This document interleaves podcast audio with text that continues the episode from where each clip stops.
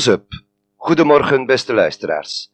Met Close-up brengt de Zelzaatse radioomroep Mietje Stroel u een bekende of minder bekende Zelzatenaar of Zelzaatse in huis. Vandaag Dan Schutter en Lidwien, burgemeester van Zelzaten natuurlijk.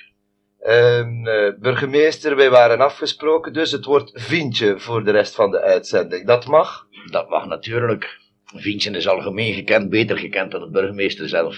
Dus dat mag zeker. Eh, het wordt dus geen gesprek over politiek of over burgemeesterschap. Het gaat hem dus vooral over Vientje Toekoer. Inderdaad. Eh ja, Vientje, eh, bent u van Zelzaten? ja, ik ben nog een van die autochtone inwoners van de gemeente. Ik geloof dat wij op het ogenblik wel tot de minderheid in Zelzaten behoren als autochtone inwoners. Ik ben geboren in Zelzaten, zoals wel elke zal weten zeker. Namelijk in een van onze oudste straatjes van de gemeente, in de Grijphoek.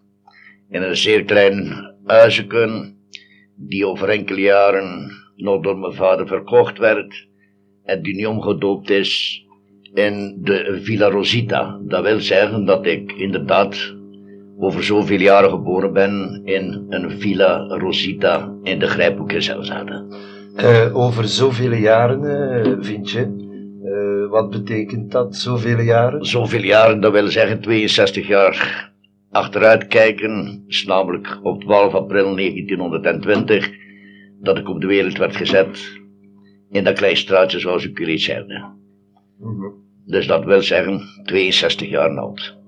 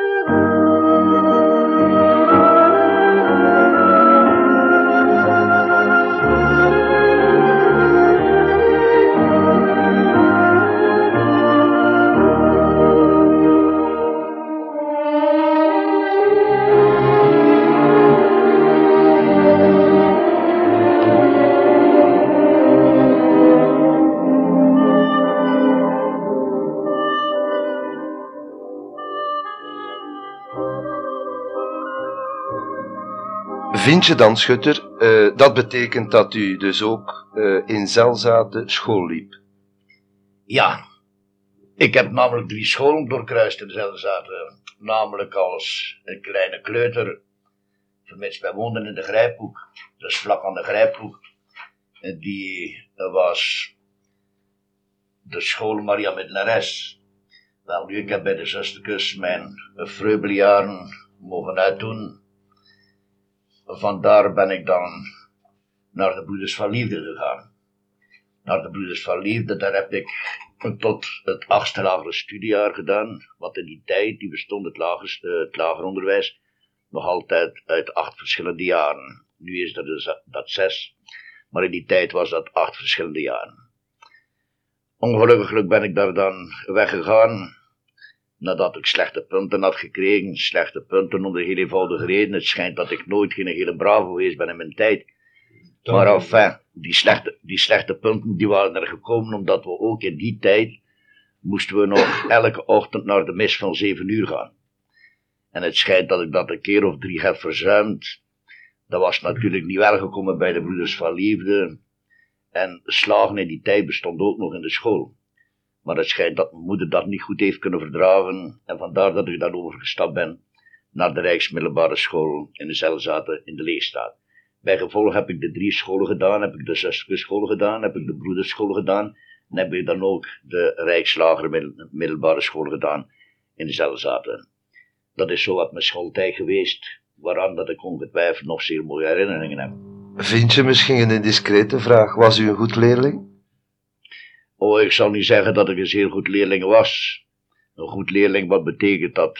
Betekent dat dat men de eerste telkens uit de school moet komen? Of betekent dat dat men midden moet zijn? Zelfs ik heb zeer goede leerlingen gekend die praktisch laatste uit de school kwamen.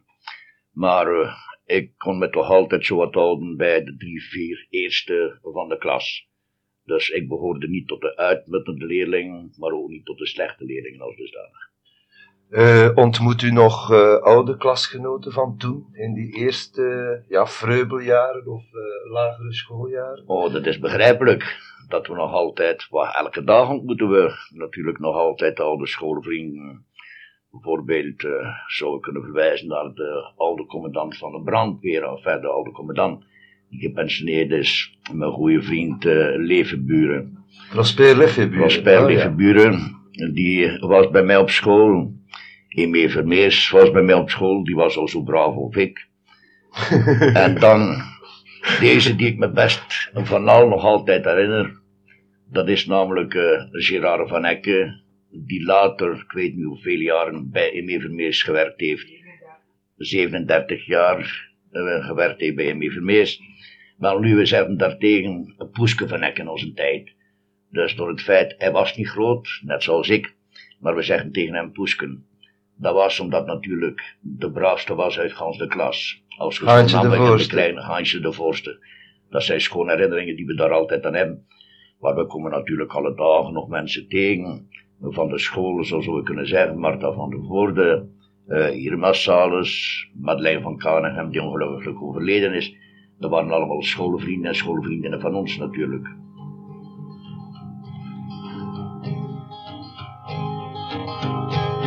Once in a town in the Black Forest, a little white toy shop stood.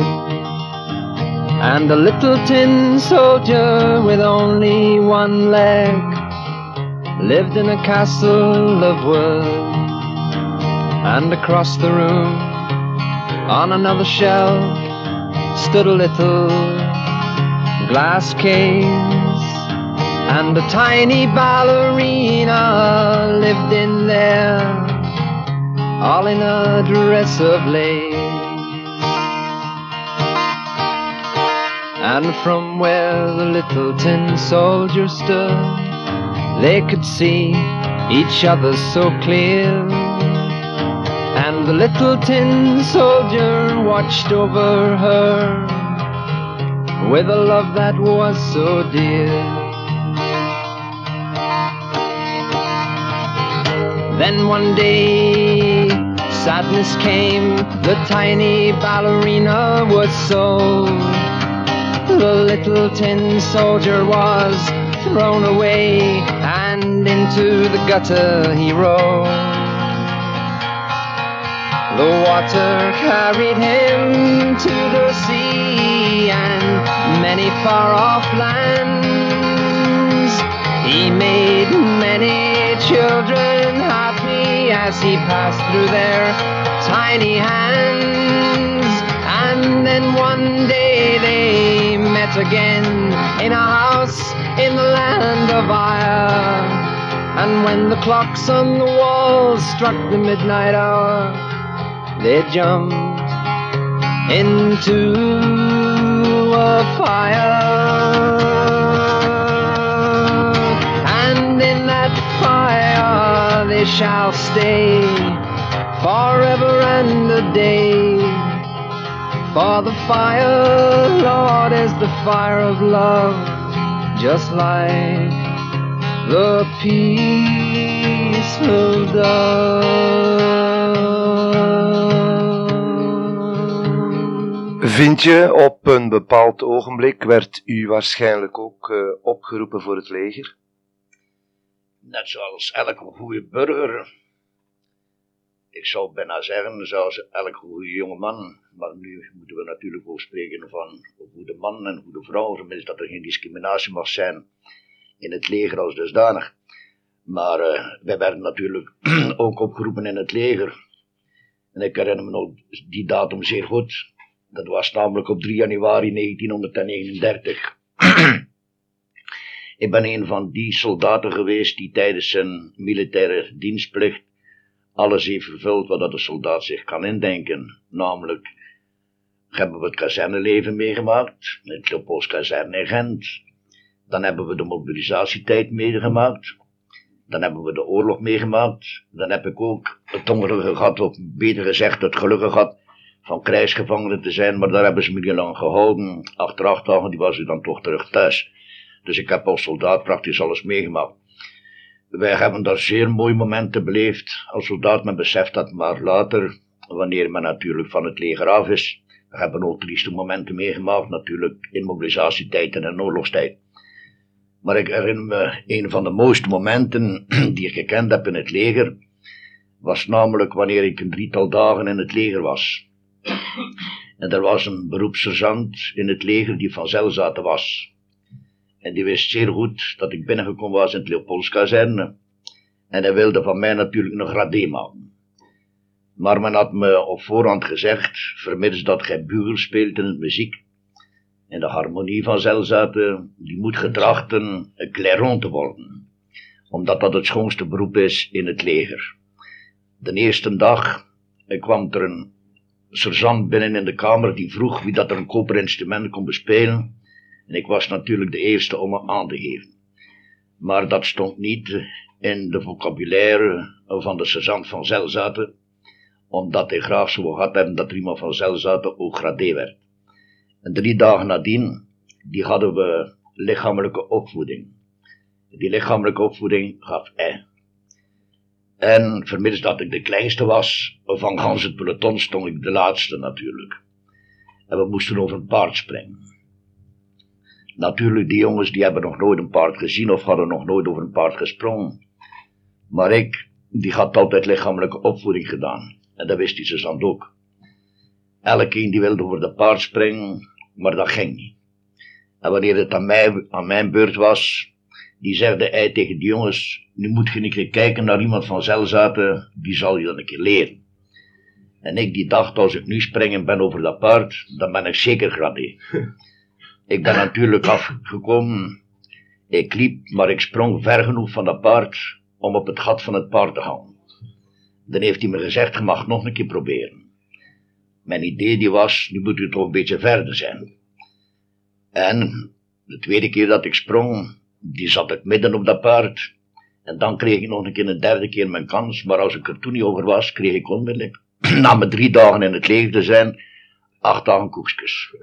Maar ik kan u verzekeren dat dat paard drie keer langer zou mogen geweest zijn. Ik was er nog over om de koekjes te kunnen vermijden natuurlijk.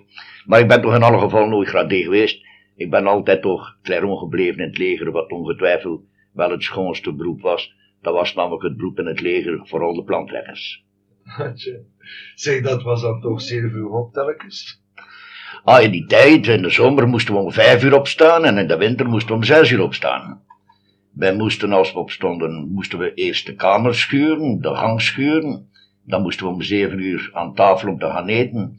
En om acht uur, die begonnen altijd de oefening in het leger. Dat is totaal anders dan vandaag. Vandaag zijn dat geen soldaten meer in het leger. Ik heb de gelegenheid genoeg gehad in mijn tijd om het leger te gaan bezoeken. Maar in onze tijd was het om vijf uur opstaan in, in de zomer en om zes uur in de winter. Ik kan u verzekeren dat dat niet altijd pluis was. Uh, vind je zitten een vroege opstaander? Nu? Wel een vroege opstaander? Nee, ik ben geen vroege opstaander. Ik heb maar één ongeluk. Als ik moet opstaan, is dat morgens om vier uur of om vijf uur Of is dat om acht uur mij om de tegen. Maar ik zou me kunnen zetten schrijven op de kant van mijn bed, omdat ik uit mijn bed moet. Dat wil dus zeggen dat ik geen vroege opstaander ben. Wat ik wel kan, dat is tamelijk op tijd naar bed gaan. Dat kan ik wel. Ook belangrijk. Eh, vind je de oorlog, de oorlog, uh, hebt die u ook uh, in al zijn gevigheid meegemaakt? Ja, vermits dat we natuurlijk de jongste lichting waren. Die spreekt het vanzelf dat we natuurlijk van voren waren in de gelederen. ik kan niet zeggen dat ik daar zo triestige momenten heb beleefd. Ik heb natuurlijk wel veel schrik gehad in het leger als dusdanig. Maar het enige dat ik me daar nog zeer goed van herinner, dat was namelijk dat we aangevallen waren door de Duitsers aan het Talbergkanaal ter hoogte van Schilde. En we moesten, bij Antwerpen. Bij Antwerpen. En we moesten terug verzamelen in Oostwinkel. Maar we moesten te voet, en we waren allemaal uit elkaar geslagen, en we moesten te voet over het Temse, zo naar Gent en zo naar Oostwinkel komen. Ik stond aan de brug in Temse, en er was een brug met houten planken. Ik hoor zeggen van burgers, met een klein weinig tijd zijn de Duitsers hier. En boven die brug die eng een Duitse vlieger. Ik had niet veel keus meer, ik moest over die brug, wat wil ik eraan doen? Maar ik had schrik van die vlieger. Maar ik had nog veel meer schrik van de Duitsers die achter mij aan waren. Ik begon over die brug te gaan en te kijken naar omhoog, naar dat vliegtuig, omdat ik dacht, als hij mij ziet gaat hij schieten natuurlijk, dat is normaal in de oorlog. Maar ik hoorde plots een tikken achter mij. En ik die dacht dat die vlieger begon te schieten. En hoe meer dat dat begon te tikken, hoe vlugger dat ik over die brug begon te lopen, want die planken lagen natuurlijk allemaal los over de lange brug in Temse. En hoe vlugger dat ik begon te lopen, hoe vlugger dat dat getik achter mij aankwam. En als ik over die brug kwam, sprong, ik op de glooiing van de oever van de, tem, van de Schelde in Temse. En deze die ook ver sprong, dat was me dan met de fiets achter mij. En dat was die fiets die die tik altijd maar gaf achter mij. En ik dacht dat de Duitsers waren die op mij schoon. Dat zijn zo wat herinneringen die we natuurlijk allemaal kunnen meebrengen uit de oorlog. Ik zeg anders, die hebben we dat anders niet zeer mooi gehad op die 18 dagen tijd. Vermis dat we natuurlijk de jongste waren. Maar het laatste dat ik me dan ook herinner uit die oorlog, en dan zwijg ik daar liever over, omdat dat verleden tijden zijn. Die was namelijk, wij namen op eh, de neuvel van Ursel op een morgen om twee uur namen we 186 Duitsers krijgsgevangenen. En we dachten dat we de oorlog gewonnen hadden. En vier uur nadien, die waren we allemaal zelf bij. Dus we hadden de oorlog verloren in plaats van de oorlog te winnen. Dat zijn zo wat van die anekdoten die ik u herinner. Maar anders spreek ik daar te weinig meer over, over de oorlog. Dat zijn gepasseerde tijden voor mij. Uh, krijgsgevangenschap? Krijgsgevangenschap, zoals ik, zoals ik u zeg. zoals ik u zeg, die heb ik maar acht dagen uh, krijgsgevangen geweest. We zijn genomen in de bossen van Ursel. Wij zijn opgesloten geworden in de kerk van Ursel. Van de kerk van Ursel die zijn we dan twee dagen nadien overgebracht naar Gent. En van Gent die moesten we dan naar Braschat. Maar wij hadden horen zeggen dat al deze die naar Braschat gingen in kolonnen, dat wij allemaal Duitsland binnen zaten. En dat hadden gezworen dat dat geen waar ging zijn. We zijn s morgens om vijf uur vertrokken uit het kazerne, Sint-Pieterskazerne in Gent. En ter hoogte van Lokeren, die ben ik in een stuk rogen gaan springen en liet ik de kolonne voorbij trekken. Maar ik wist de weg niet meer terug naar huis. Maar ik wist wel de weg, dat we de weg deden naar Lokeren. Als ik in Lokeren kwam, en daar had ik de voorzorgen genomen dat ik mijn schoenen uitdeed. En het eerste dat ik tegenkwam bij Lokeren was natuurlijk een Duitse patrouille, die mij vroeg wat dat ik daar kwam doen. Ik mocht natuurlijk niet zeggen dat ik uit de kolonne was gesprongen, maar ik zegde, ik ben vuurskrank. Ah, vuurskrank, kom eens maar mee, zeggen die Duitsers. Die hebben me dan in een lazaret gestoken van het Rode Kruis. Daar heb ik een dag geweest. En dan moest ik te voet naar Sint Paulus, naar de school. Daar was ik de enigste krijgsgevangene in de, in de school van Sint Paulus. En als ik daar een uur kwam, dan was mijn goede vriend en gebuur, Jean Sinitor, welke vandaag in Ertvelde woont. Die kwam daar ook binnen. Maar we moesten daar verblijven. En Jean en ik, die hebben de klas geschuurd. En als we de klas geschuurd hebben, kwam er een Duitse veldwebel binnen. En die sprak tegen ons. Als je morgen die klas nog zo, schoon hebt, wel u, dan mocht je morgen om vier uur naar huis gaan. Ik kan u verzekeren dat we Hans en nacht niet alleen die klas hebben geschuurd, maar Hans de school hebben geschuurd. En inderdaad, de Duitsers hebben de woord gehouden. Om vier uur, die werden we in het zijn aangeboden en we waren naar huis. Dus ik heb maar acht dagen krijgsgevangen geweest, daar kan ik dus niet veel over spreken. No one can take your place with me. And time has proven that I'm right. There's no place I'd rather be mm-hmm, than at your place for the night.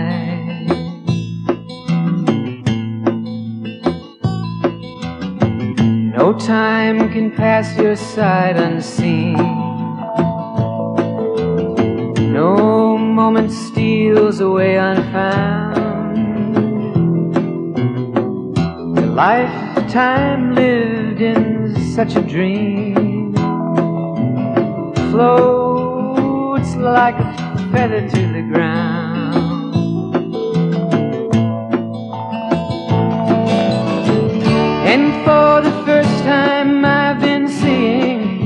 The things I'd never noticed without you. And for the first time, I'm discovering the things I used to treasure about you.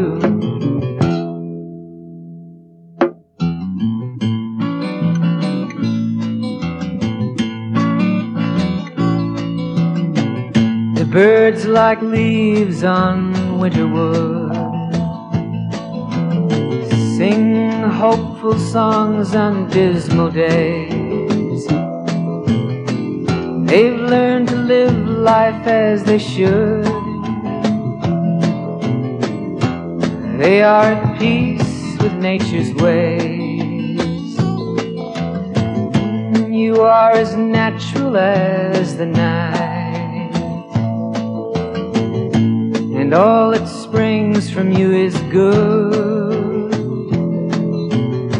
And the children born beneath your light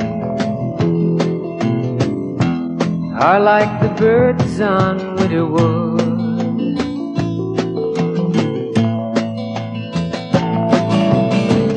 And for the first time, I've been seeing the things I'd never noticed without you. And for the first time, I'm discovering the things I used to treasure about you.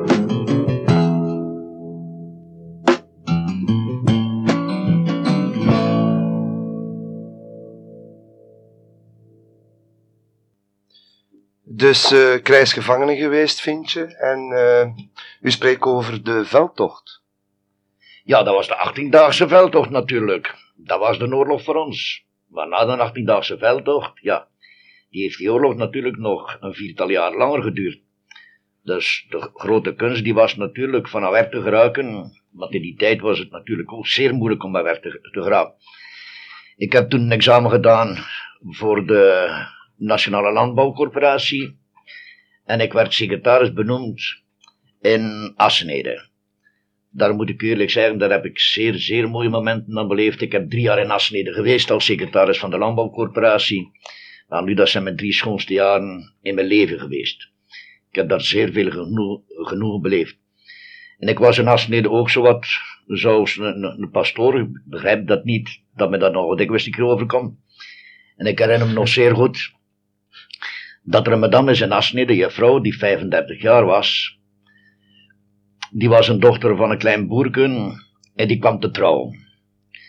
En als ze twee jaar getrouwd was, die had ze reeds twee kinderen. En die madame die kwam haar beklachten op een bureau. Als dat zo verder gaat met mijn man, zegt ze, zegt ze, dan graag ik nog aan een heel gezin kinderen niet tegenstaan dat ik zo lang getrouwd ben. Ik heb tegen die madame gezegd, is uw man vanavond thuis als, als ik naar Zelzate rijd? Die mensen woonden op de Triest, ik ga ze natuurlijk niet noemen, dat spreekt vanzelf. ik zeg, ik zal een keer binnenspringen, ik zal hem dat komen leren. En ik ben, en ik ben binnengesprongen en ik zei tegen haar man, dat moet hier gedaan zijn. En met uw kinderen maken, ja, zeg zoals het zijn broek aan het bed hangt, dan ben ik er altijd bij. En dat was in die tijd, bestond, bestond de pil natuurlijk nog niet. We waren nog zo ver niet gevorderd. Maar toen werd er zeer veel gesproken over bevruchting naar willekeur. En ik heb hem dat op een papiertje geschreven. Maar om zeker verkeerd te zijn, die heb ik al de datums achterstevoor geschreven. Het ongeluk voor mij heeft dan gediend dat ik twee maanden nadien benoemd werd tot kantonaal inspecteur aan de landbouwcorporatie en ik was verdwenen uit Asnede. Hoe dat je nu bij de gezinsplanning terecht kwam, vind je? Ja, die tijd sprak men daar ook nog niet van. Maar in alle geval, twee jaar nadien was de oorlog ten einde. En de veldwachter van Asnede, mijn goede vriend Jos Boschen, die had me geïnviteerd met mijn echtgenote naar Asne Jaarmarkt. En we zaten in het polderhotel, stampvol vol volk. En diezelfde meneer die ik zijn les had geleerd, twee jaar tevoren, die komt met een kleine aan zijn hand binnen in het café. En die zien me zitten. Je moet nu weten dat van Hans die historie mijn echtgenote natuurlijk niet op de hoogte was. En van Oosten mij zien zitten, die kijkt naar die kleine. En dan zegt hij tegen die kleine, gij zegt hij, ging naar uw vader, zegt hij. Dat is uw vader. Erik dat ding natuurlijk allemaal uitgelegd had met mijn echtgenote, dat was op de eerste vijf minuten niet gedaan. Maar de kommer van de zaak, die is nu, een goed jaar geleden, die moet ik naar een offerande in de kerk, in St. Laurentiuskerk. En ik kom van de trap van het gemeentehuis. En als ik voorbij de sparelijfremkast passeer, komt er dan een mens buiten. En neemt zijn de fiets en die zegt tegen mij, als het goed is, ik ga met u mee. Ik dacht dat dat iemand, ja, een bekende of een onbekende was, maar mijn eerste idee, en neemt zijn fiets en gaat met mij mee. Oh, dat zal een patiënt zijn van Sint-Jan-Baptist, want dat valt, me zeer, dat, dat valt me zeer veel voor. En als hij naast mij loopt, die zegt hij, gij kent me niet zeker. Ik zeg, nee meneer, ik ken u niet. Hij zegt hij, ik ben iemand, zegt hij, zoals er geen twee in de wereld zijn. Daar waar ik erover overtuigd dat iemand van Sint-Baptist was. Ik zeg, ja, zo kon jij erbij. Wel, zegt hij, ik heb twee vaders. Maar mijn natuurlijke vader, zegt hij, die is al dood. Zegt hij, mijn tweede vader, die leeft nog. Ik zeg, ja. Zeg, dit is inderdaad juist dat je dan iemand zei, zoals er geen twee lopen in de wereld. En maar zegt hij, die tweede vader zegt, hij weet heel goed wie dat is. Zegt, nee dat zou ik niet kunnen weten wie dat, dat is. Wel, zegt hij, dat zei hij. Je hebt in een tijd, zegt hij, in 43 een keer een les gegeven aan mijn vader, zegt hij. En ik ben toen op de wereld gezet. Zeer, zeer eigen omstandigheden, wat je nog tegen kunt komen, zoveel jaar nadien. Uh, dus vader en moeder hadden hem over die situatie wel ingelezen? Natuurlijk, het kan anders niet. Maar zeg, als ze niet is een zeer schone gemeente geweest. Ik heb daar zeer mooie momenten beleefd met zoals Boschem, die nog altijd veldwachter is. De onderpastor, wij zaten toen in de patronage met ons bureau. De onderpastor was niet altijd gelovig met ons, omdat we binnen, tussen de middag altijd met zijn borsten stelen gingen vechten. Die kon de borsten stelen tijdens niet aankopen en dergelijke meer. maar wij hebben ons nog goed geamuseerd. I was there. I spent most of my time down at the docks, swimming with the other boys mainly. but also listening to the songs and the stories that the sailors used to sing and tell. Many of them I will never ever be able to repeat. But of the ones that I can, I can always remember whenever the sailors were leaving for another island or some far off country, they would sing the Jamaica Farewell.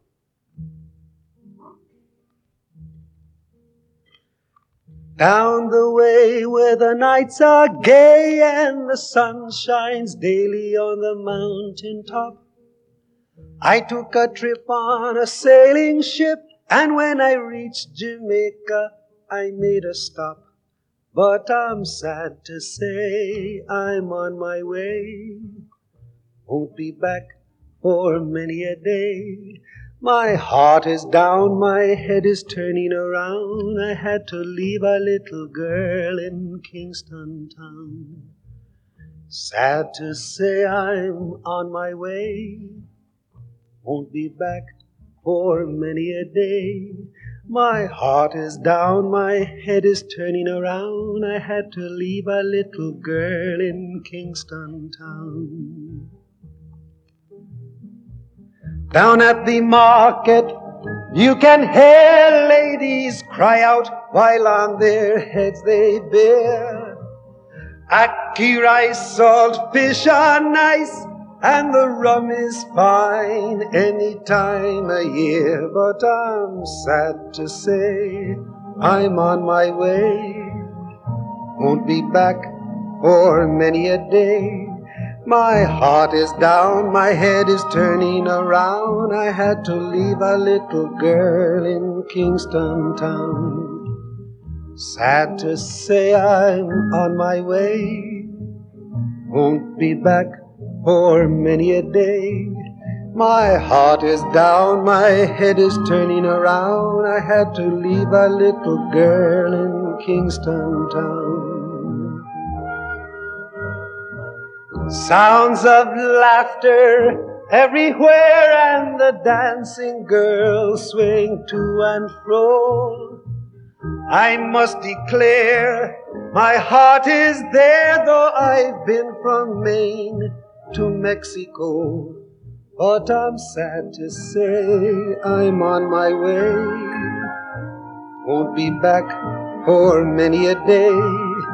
My heart is down, my head is turning around. I had to leave a little girl in Kingston town. Sad to say I'm on my way. Won't be back for many a day. My heart is down, my head is turning around. I had to leave a little girl in Kingston town. Down the way where the nights are gay and the sun shines daily on the mountain top. I took a trip on a sailing ship, and when I reached Jamaica, I made a stop. But I'm sad to say I'm on my way. Won't be back for many a day. My heart is down, my head is turning around. I had to leave a little girl in Kingston town. Sad to say I'm on my way. Won't be back for many a day. My heart is down, my head is turning around. I had to leave a little girl in Kingston town. Sad to say I'm on my way. Won't be back for many a day. My heart is down, my head is turning around. I had to leave a little girl in Kingston town. U was eh, ooit kantonaal inspecteur en vervolgens vind je. Wel, na de bevrijding die werden we allemaal overgeheveld naar de verschillende ministeries. De ene ging naar het ministerie van Financiën, eh, naar belastingen enzovoorts. Ik die ben terechtgekomen dan bij het ministerie van Economische Zaken, maar daar zijn we niet lang gebleven. Om de heel eenvoudige reden, dat was in september van 44.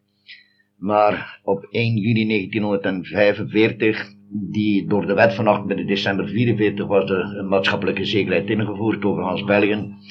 En dat was een noodzaak aan bedienden in de mutualiteit. Men heeft me gevraagd om dan naar de mutualiteit te komen.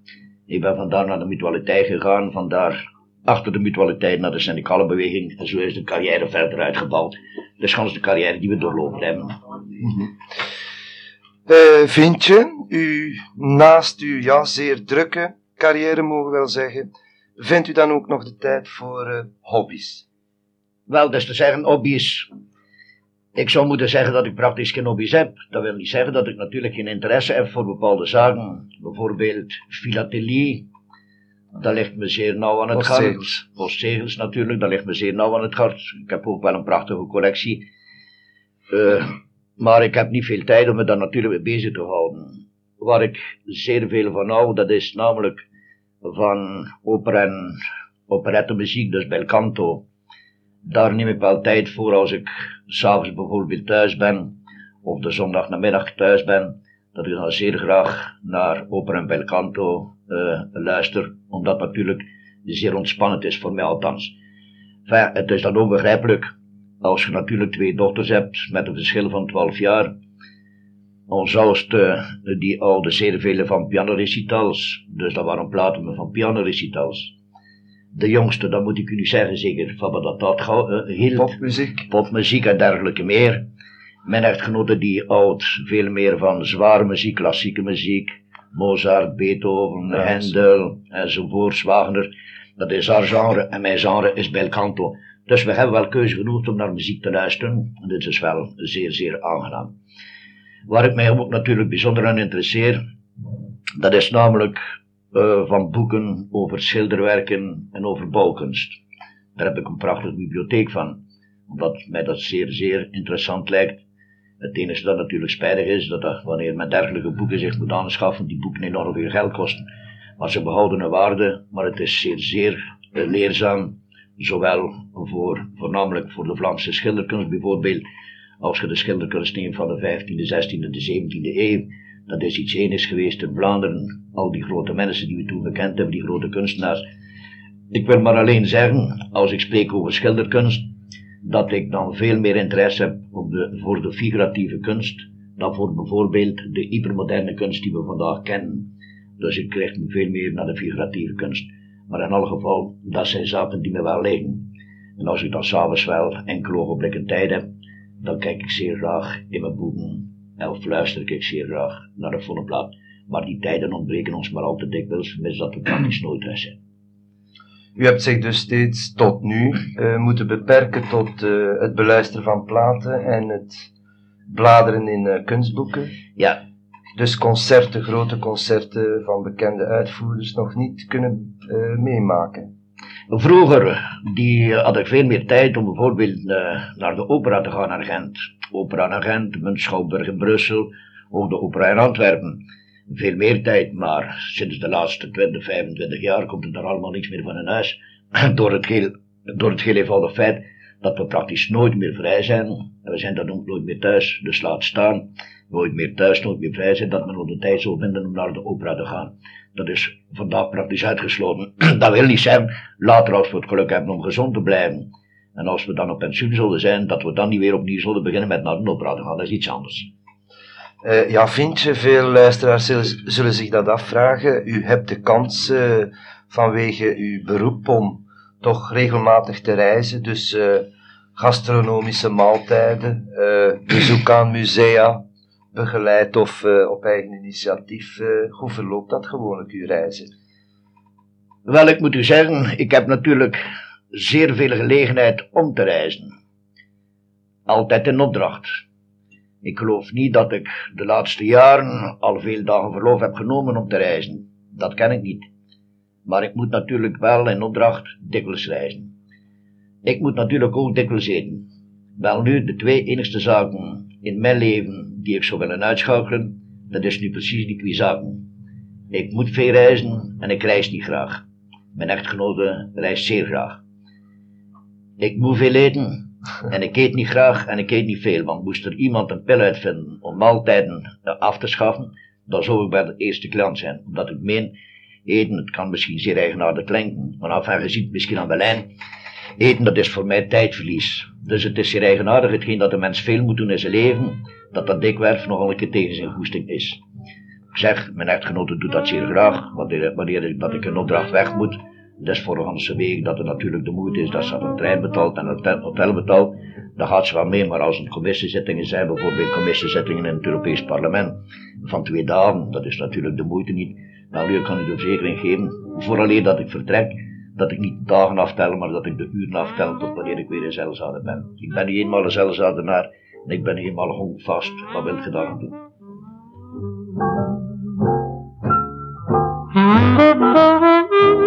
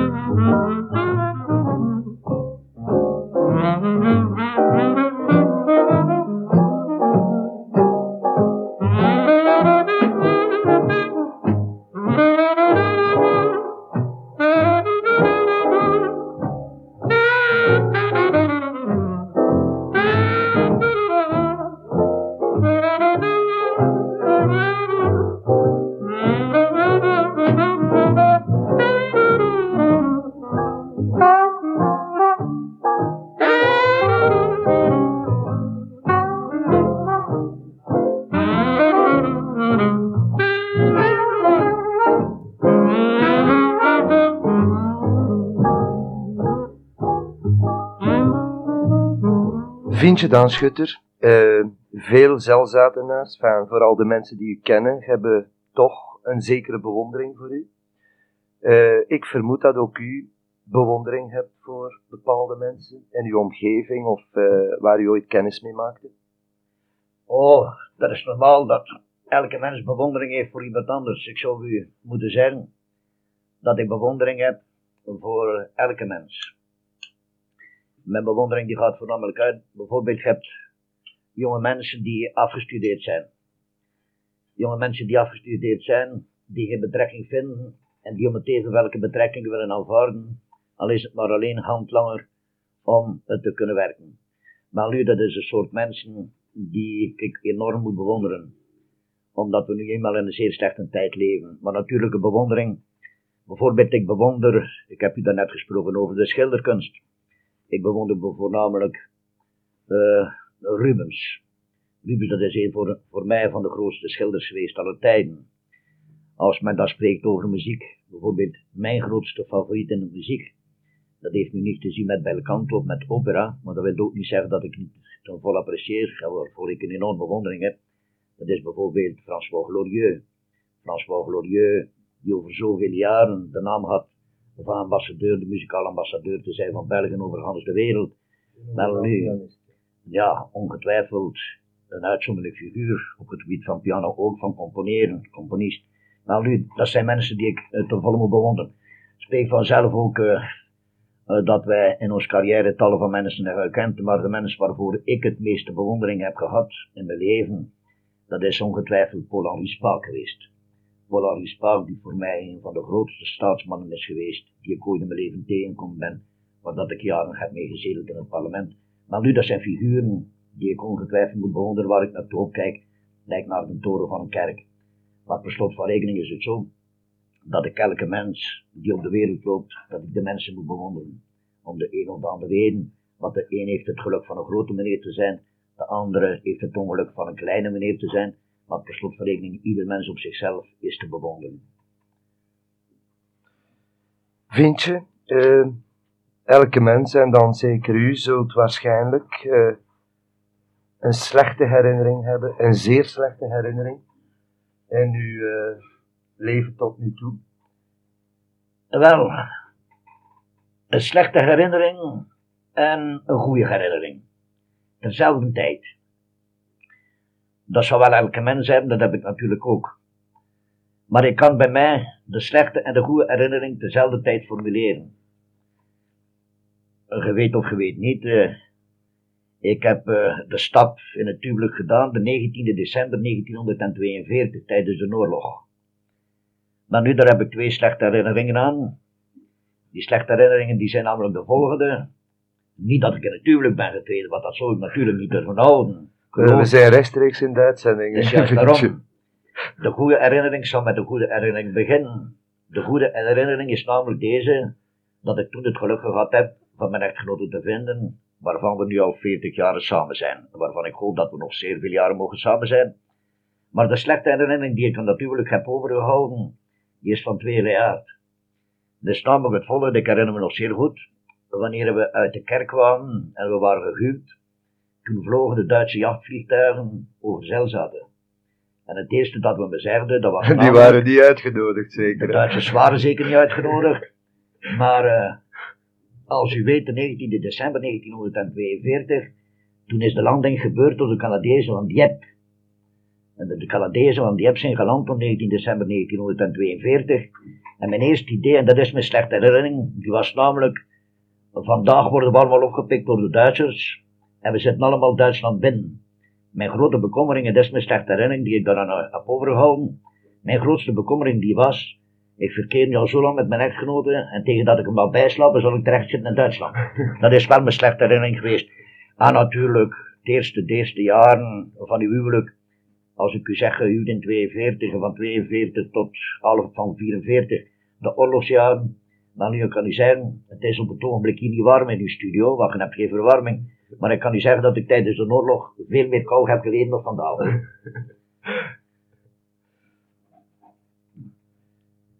Uh, ja, dus uh, de schoonste herinnering en de slechtste herinnering. En uh, na wat muziek spreken we over uw toekomstplannen, vind je? Want eh, u hebt ook toekomstplannen.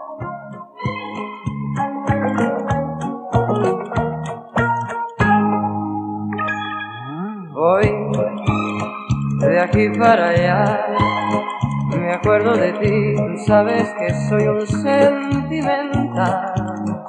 Voy de aquí para allá, mirando hacia atrás, sabiendo que a ti lo mismo te da. Voy un poco por ir, me dejo llevar, no es fácil saber volver a empezar. Voy queriendo olvidar, tratando de ser el mismo de ayer en otro lugar. Sé que a ti te da igual, que esté bien o mal, que tengo no tenga penas. Sé que tú eres capaz, capaz de olvidar sin nada que deje huellas. Tú, seguro que ya has vuelto a encontrar quien cuide de ti, quien quieras. Y yo, ya ves, sigo igual, no tengo otro amor, no hay nadie que a mí me quiera. Oh, voy de aquí para allá. Me acuerdo de ti, tú sabes que soy un sentimental. Voy de aquí para allá, mirando hacia atrás, sabiendo que a ti lo mismo será. Voy un poco por ir, me dejo llevar, no es fácil saber volver a empezar. Voy queriendo olvidar, tratando de ser el mismo de ayer en otro lugar. Sé que a ti te da igual, que esté bien o mal, que tenga o no tenga penas.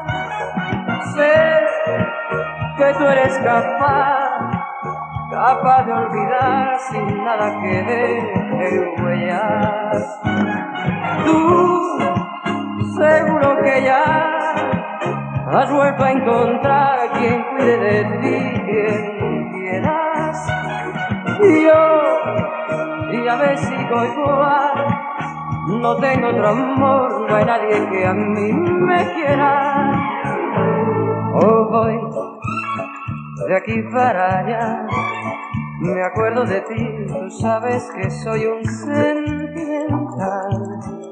Voy queriendo olvidar, tratando de ser el mismo de ayer en otro lugar. La, la, la. Ja, vind je dan, Schutter, eh, toekomstplannen toch nog?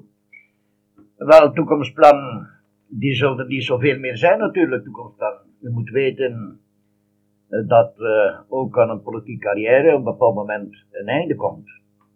En het is niet eenmaal zo dat de, de partijstatuten bij ons voorzien dat op de dag van de verkiezing, wanneer je 65 jaar bent, dat je u niet meer moet voorstellen. Bij uitzonderingsmaatregelen kan dat nog, maar het is nooit in mijn bedoeling gelegen om een uitzonderingsmaatregel te vragen. Integendeel, ik heb altijd gezegd 20 jaar parlement en ik stap het af, ik heb mijn woord gehouden. Nou, nu men weet op het huidige ogenblik bij ons zeer goed, en ik steek dat niet onder stoelen of banken, als ik gezond mag blijven, is het nu de zesde jaar, de zesde laatste jaren, dat Dan Schutter in Zelzaat nog burgemeester blijft. En ik geloof, ik zal dan 68 jaar zijn, en ik geloof dat ik dan toch wat zou gewerkt hebben in mijn leven. En als we dan het geluk hebben van gezond te zijn, niet tegenstaan dat ik zeg dat ik niet graag reis. Waarom reis ik niet graag? Om de heel eenvoudige reden dat het altijd voor congressen en zittingen en vergaderingen zijn. Kom je dan- buiten het hotel Je komt bijvoorbeeld? praktisch niet buiten het hotel of je komt praktisch niet buiten uw vergadering. Wel nu, ik geloof, als ik dan nog het geluk heb, zoals ik u zeg, van gezond te zijn met mijn echtgenote, dat het dan misschien liever zou reizen, omdat het dan ontspannende reizen zal zijn. Maar nu, daar verlang ik dan toch een klein beetje naartoe, ook naar een klein beetje rust. En dan samen met de echtgenote, die toch haar leven heeft versleten met mij, door op mij altijd te moeten wachten, dat we dan om geen jaren op ons gemak een keer op reis zullen kunnen gaan en op gemak samen te zijn. Dat zijn mijn toekomstplannen. Maar in alle geval, het zijn de laatste zes jaar dat ik nog burgemeester van zelf ga. Eh, vind je, toen wij dit gesprek wat voorbereiden, eh, vroeg ik u of dat u een voorkeur had voor muziek? Oh ja, ik heb het al gezegd dat mijn voorkeur gaat naar opera belcanto. Maar eh, ik ken zeer veel opera's. Ik ken zeer veel operetten. Maar mijn grote liefde in de operawereld, dat is nog altijd La Bohème. Ik heb ze bij mij thuis in mijn discotheek heel zeker van zeven, acht verschillende opera's. Zelfs van Metropolitan in New York. Nu, dat is volgens mij nog altijd de mooiste opera die er in mijn leven bestaat. En ik hou daarvan. Dividiamo così, dividiamo, dividiamo.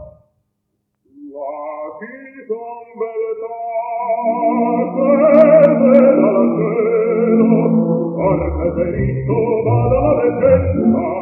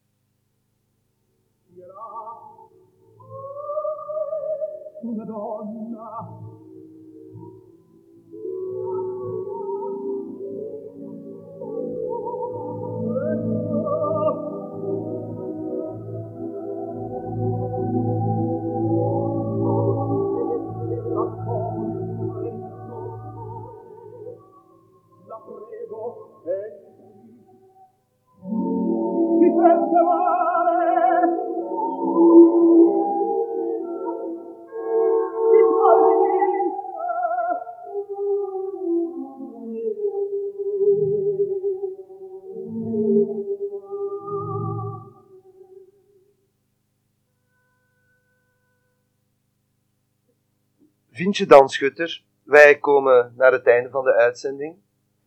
Eh, we hopen voor de luisteraars dat het een prettig gesprek was. Eh, graag toch van u uw mening over lokale radio. En dan meer bepaald de nieuwe ZRO Mietjestroel. Wel, ik moet u zeggen, dat spreekt vanzelf. Ik heb natuurlijk een zekere tijd uit de eten geweest, maar dat spreekt vanzelf dat ik zeer veel luister naar Radio Broek, Mietje Stoel, om tal van redenen.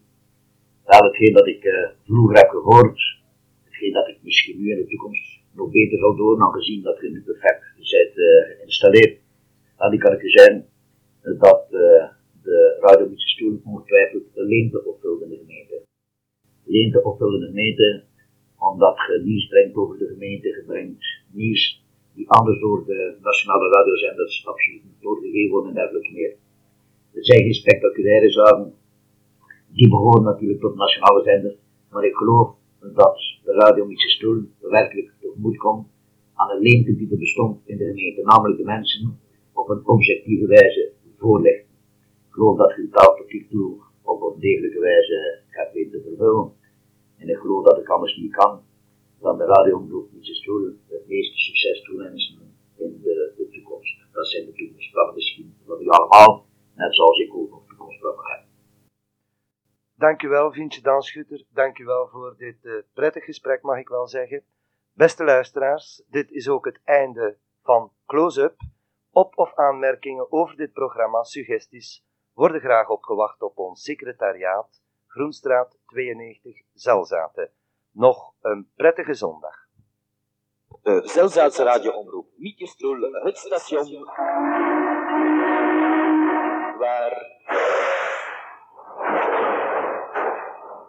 NZ.